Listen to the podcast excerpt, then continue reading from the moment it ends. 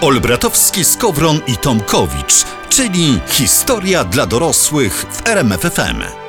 Radiowcy bez cenzury i historia dla dorosłych, program i podcast piękne jak nasze doczesne powłoki. Zobaczcie na naszych Instagramach. Program, który ucząc bawi, bawiąc tumani, a tumaniąc przestrasza. Dziś seksagentki PRL. I każdy, kto to słyszy, ma od razu przed oczami Jennifer Lawrence, która w filmie Czerwona Jaskółka gra piękną agentkę po szkole kagiebowskiej, szkole uwodzicielek, tam się normalnie... Ja mam przed oczami dwóch łysych. To wy. Leniny. Ale dziś będzie trzech panów od historii będzie mówić o paniach, o kobietach, o negocjowalnym afekcie. Ale zapewniamy, że proza życia nie ustępuje y, ekranowej poezji. Nie, nie, nie, nie, nie.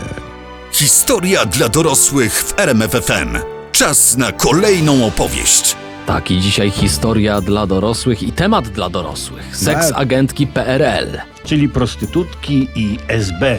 Będą momenty, choć pewnie nie takie, na jakie liczycie. Zacznijmy od początku. Co o pannach lekkich obyczajów mówił Karol Marx? Ano ojciec komunizmu uważał, że prostytucja nie ma racji bytu, a to, bo to jest przejaw y, kapitalistycznej patologii, która zaniknie, gdy zapanuje na świecie komunizm. Tak wymyślił. Bo zapomniał dodać, komunizm robi prostytutki ze wszystkich, tak? Dokładnie właśnie tak. Y, W PRL-u z początku handel ciałem zwalczano, mo- nawet mocno. Powstały internaty, to taka ładna nazwa na obozy pracy, do których dziewczyny panicznie bały się trafić. Ale Ale w końcu ktoś u władzy stwierdził, hej, to dobry pomysł. I postanowiono dziewczyny wykorzystać. No mówisz, jakbyś tam był po prostu. Nie, I tak rzeczywiście się stało. Handlarki miłością trafiły pod skrzydła SB. Handlarki miłością, czyli kto? Oj, i widzisz, i, i mądrze pytasz, i potrafisz mądrze pytać. Dziękuję. E, Polskie dziewczyny dzieliły się na lokalówki, to była taka top liga, z ekstraklasą w wielkomiejskich klubach de- dewizowych. E, Te panny obsadzały znane restauracje i kluby. Poniżej były dworcówki. Znaczy dworcówki to, to panny, do których jest pociąg, tak? A- Albo kolejka. Albo i to, i to. Nie, to są panny, które działały przy dworcach. No bo dworzec to prawda wiadomo. Na samym zaś dole były gruzinki. Co to znaczy? No bo one świadczyły miłość na wsze- wszechobecnych wówczas gruzach.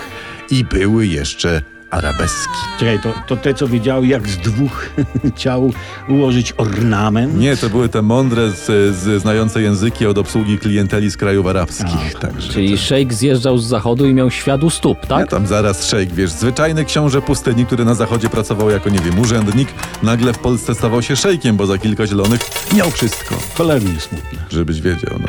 A jak ten cały świat dziewczyn oplotła swoimi mackami SB i milicja, o tym w historii dla dorosłych już niebawem. Olbratowski, Skowron i Tomkowicz, czyli historia dla dorosłych w RMFFM.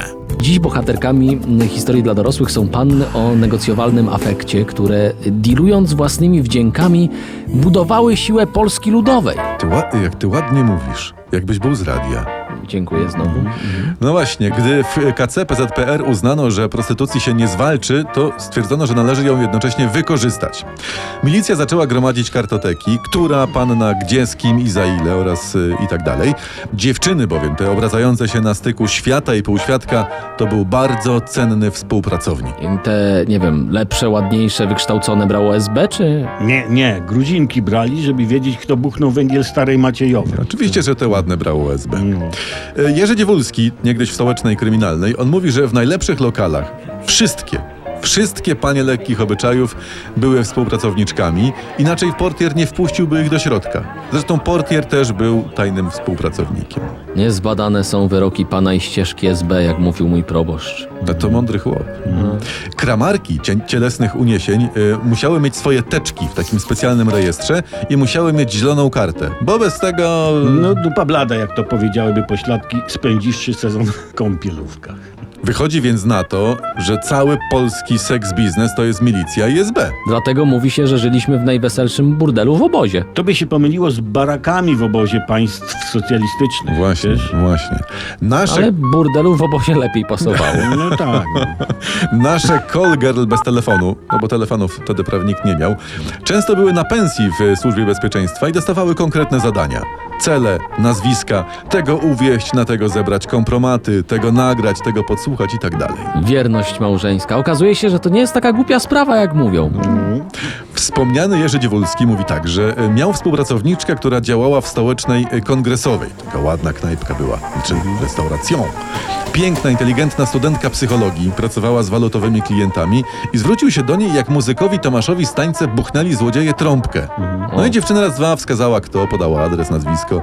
No niestety tę pannę e, milicjant musiał oddać służbie bezpieczeństwa. A, a tak pięknie opowiadałeś. Ja czekam, aż się, aż się ta akcja rozwinie i na końcu będzie ślub. No co ty, no PRL był jak filmy z golizną dla dorosłych, czyli bez ślubu na Bez, koniec. No, bez. no dziewczynę podejrzewam rzucili pewnie na odcinek dyplomatów, ale dobrze, że wspomniałeś o ślubie. Były wśród, jak to ktoś ładnie dzisiaj ujął, dystrybutorek amorów za forsę, dziewczyny, które dostały od SB zadanie wyjść za mąż, tam za figuranta. O, żeby własnorodzona żona na człowieka kapowała do SB? No. Które dziewczyny za kogo wyszły, o tym jeszcze dzisiaj powiemy w historii dla dorosłych w RMF FM, a powiemy my, czyli radiowcy bez cenzury. Historia dla dorosłych w RMFFM. Czas na kolejną opowieść. Przypominamy, że mówimy dzisiaj o seks agentkach SB za czasów PRL-u. Był czas w PRL-u, że prostytucja oficjalnie nie istniała. Słownik wyrazów obcych z 1954 roku wyjaśniał pojęcie prostytucja tak, cytuję. Jest to nierząd uprawiany zawodowo w celu zdobycia środków utrzymania, społeczne zjawisko występujące w krajach burżuazyjnych, spowodowane kapitalistycznym bezprawiem. Piękna definicja. Piękna. Ale wypisz, wymaluj teraz Polska, no bo jesteśmy krajem burżuazyjnym z kapitalistycznym bezprawiem. Nie to się teraz nazywa brak praworządności, Aha. ale kapitalistyczny brak. Kapitalistyczny, Tak, tak, to tak, zdecydowanie zgniły kapitalizm mamy wokół. Wróćmy do podstawowego tematu naszego wątku, którym jest zagadnienie SB a prostytucja. Szczególne zasługi dla SB miały prostytutki w sierpniu 80 roku w Gdańsku. Donosiły na przykład, gdzie nielegalnie sprzedaje się alkohol. Czujecie? O, Którego sprzedaż była wtedy w Gdańsku zakazana. No, bo Cwaniaczki z tych SB-ków byli. Mieli dobre adresy, gdzie mogli się za darmochę napić. Tak, tak, bo przychodzili do lokalu i robili kierownikowi Halloween, nie? Pół litra albo psikus. tak, tak było. W sensie aresztowanie, Tak, nie? tak, tak. No. W czasie strajków w Stoczni Gdańskiej w 80 trwała taka nawet specjalna akcja SB, do której zaprzęgnięto wybrane prostytutki. One miały kapować z kolei na dziennikarzy i na cudzoziemców. Ale ta akcja średnio się udała. W sensie co, migały się od pracy, czy jak? Dziennikarze i cudzoziemcy zmożeni nielegalnym alkoholem nie mieli sił? Nie no, część zwiezionych przez SB do Gdańska prostytutek zaczęła wspierać strajkujących. Ale ja. No, nie no, nie tak jak ktoś, a takich nie brak, No. zauważmy, mógłby pomyśleć. Nie. Niektóre dziewczyny woziły na przykład do stoczni jedzenie dla strajkujących. Brawo, brawo, No, brawo, prawda? brawo, brawo, dziękujemy.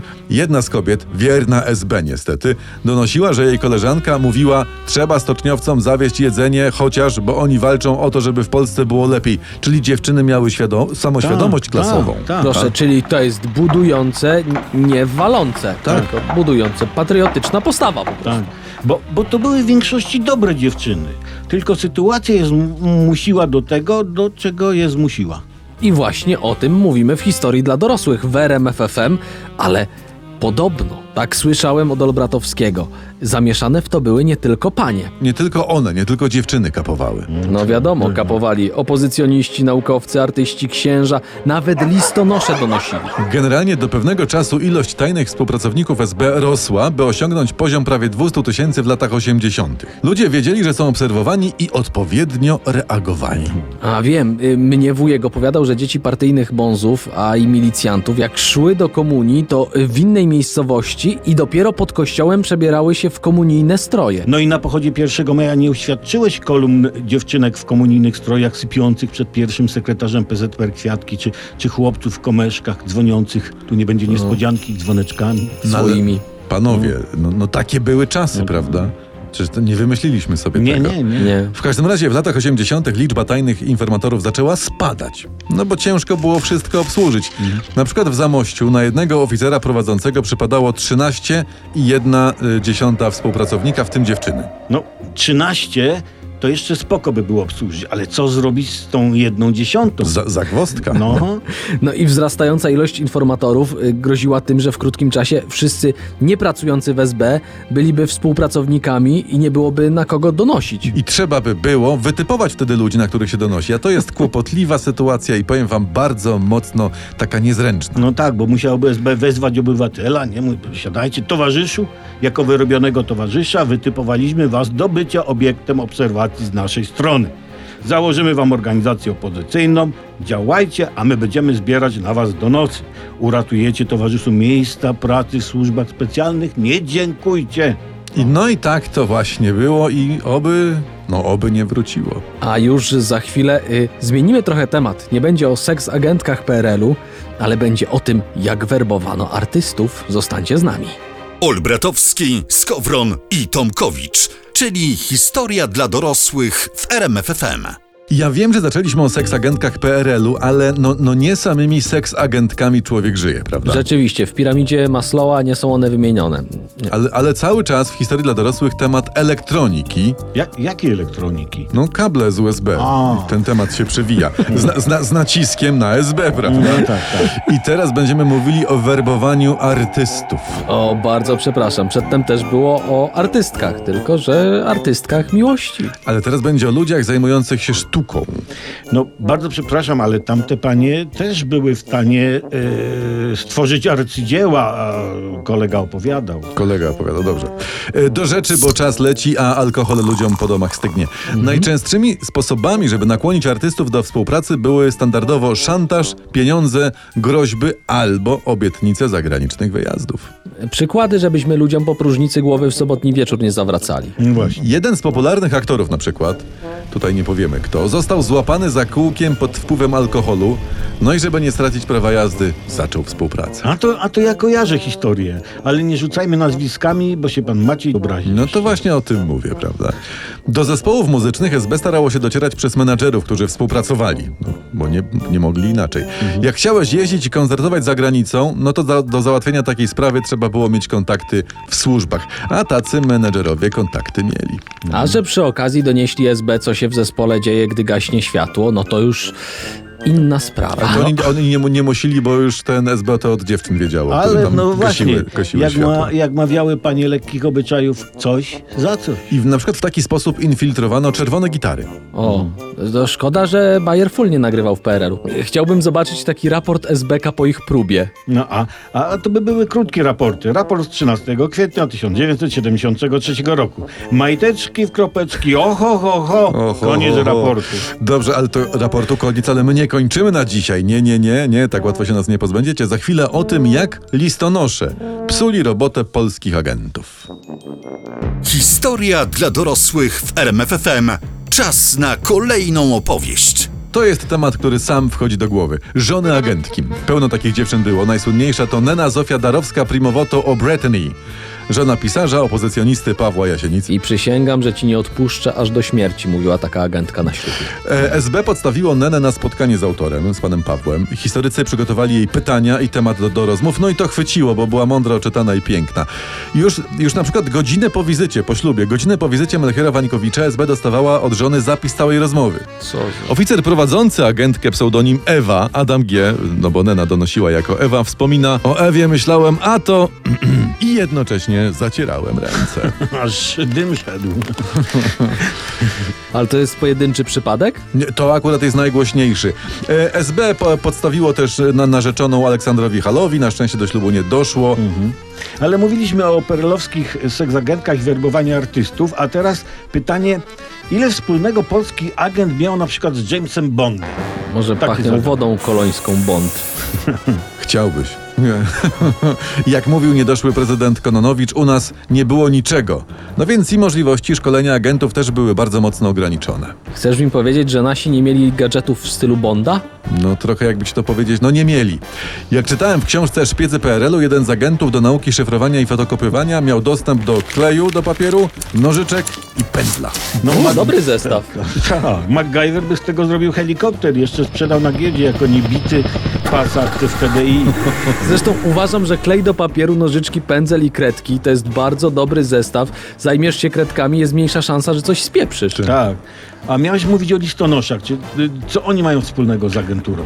Mają o tyle, że, że kiedy jeden z agentów w Wielkiej Brytanii wysłał do Polski zaszyfrowane listy schowane w pudełkach z kosmetykami czy tam witaminami, to część przesyłek nie trafiła do adresatów, bo listonosze i urzędnicy celni rozkradali paczki z takimi dobrami, zanim te dojechały na miejsce. No to później nie ma się co dziwić, że skaldowie śpiewali ludzie, zejdźcie z drogi, bo listonosz jedzie. Skoro listonosz na rowerze był skuteczniejszy niż polska agentura. Ale może ta walka z systemem na poczcie dalej działa. W tych płynach do naczyń, ręczniczkach kuchennych, przepisach siostry Anastazji, które leżą przy okienkach na poczcie, może tam jest jakiś głębszy sens. My po prostu tego szyfru nie potrafimy ogarnąć.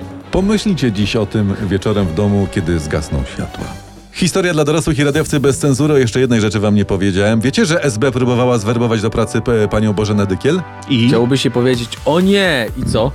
Śliczna aktorka. Chcieli, proponowali jej współpracę, że ma tam uwodzić dyplomatów, żeby ich skompromitować, ale pani Bożena powiedziała y, no, no, no. Bardzo dobrze, pani brawo, Bożenko. pani Bożeno. Tak brawo. trzeba robić. Jak Tak. e, będę miał okazję, to wycałuję rączki po prostu przy najbliższej A okazji. ja ekran. I jeszcze dziś myślę o tym wszystkim ze wstrętem, mówi pani Bożena w wywiadzie. Także można się było dać nie złamać. Dziękujemy za dzisiejsze spotkanie z ciekawymi ludźmi. Znowu nie przyszli. Jacek Tomkowicz. Tomasz Odbratowski. Przemysław Skoron, cześć.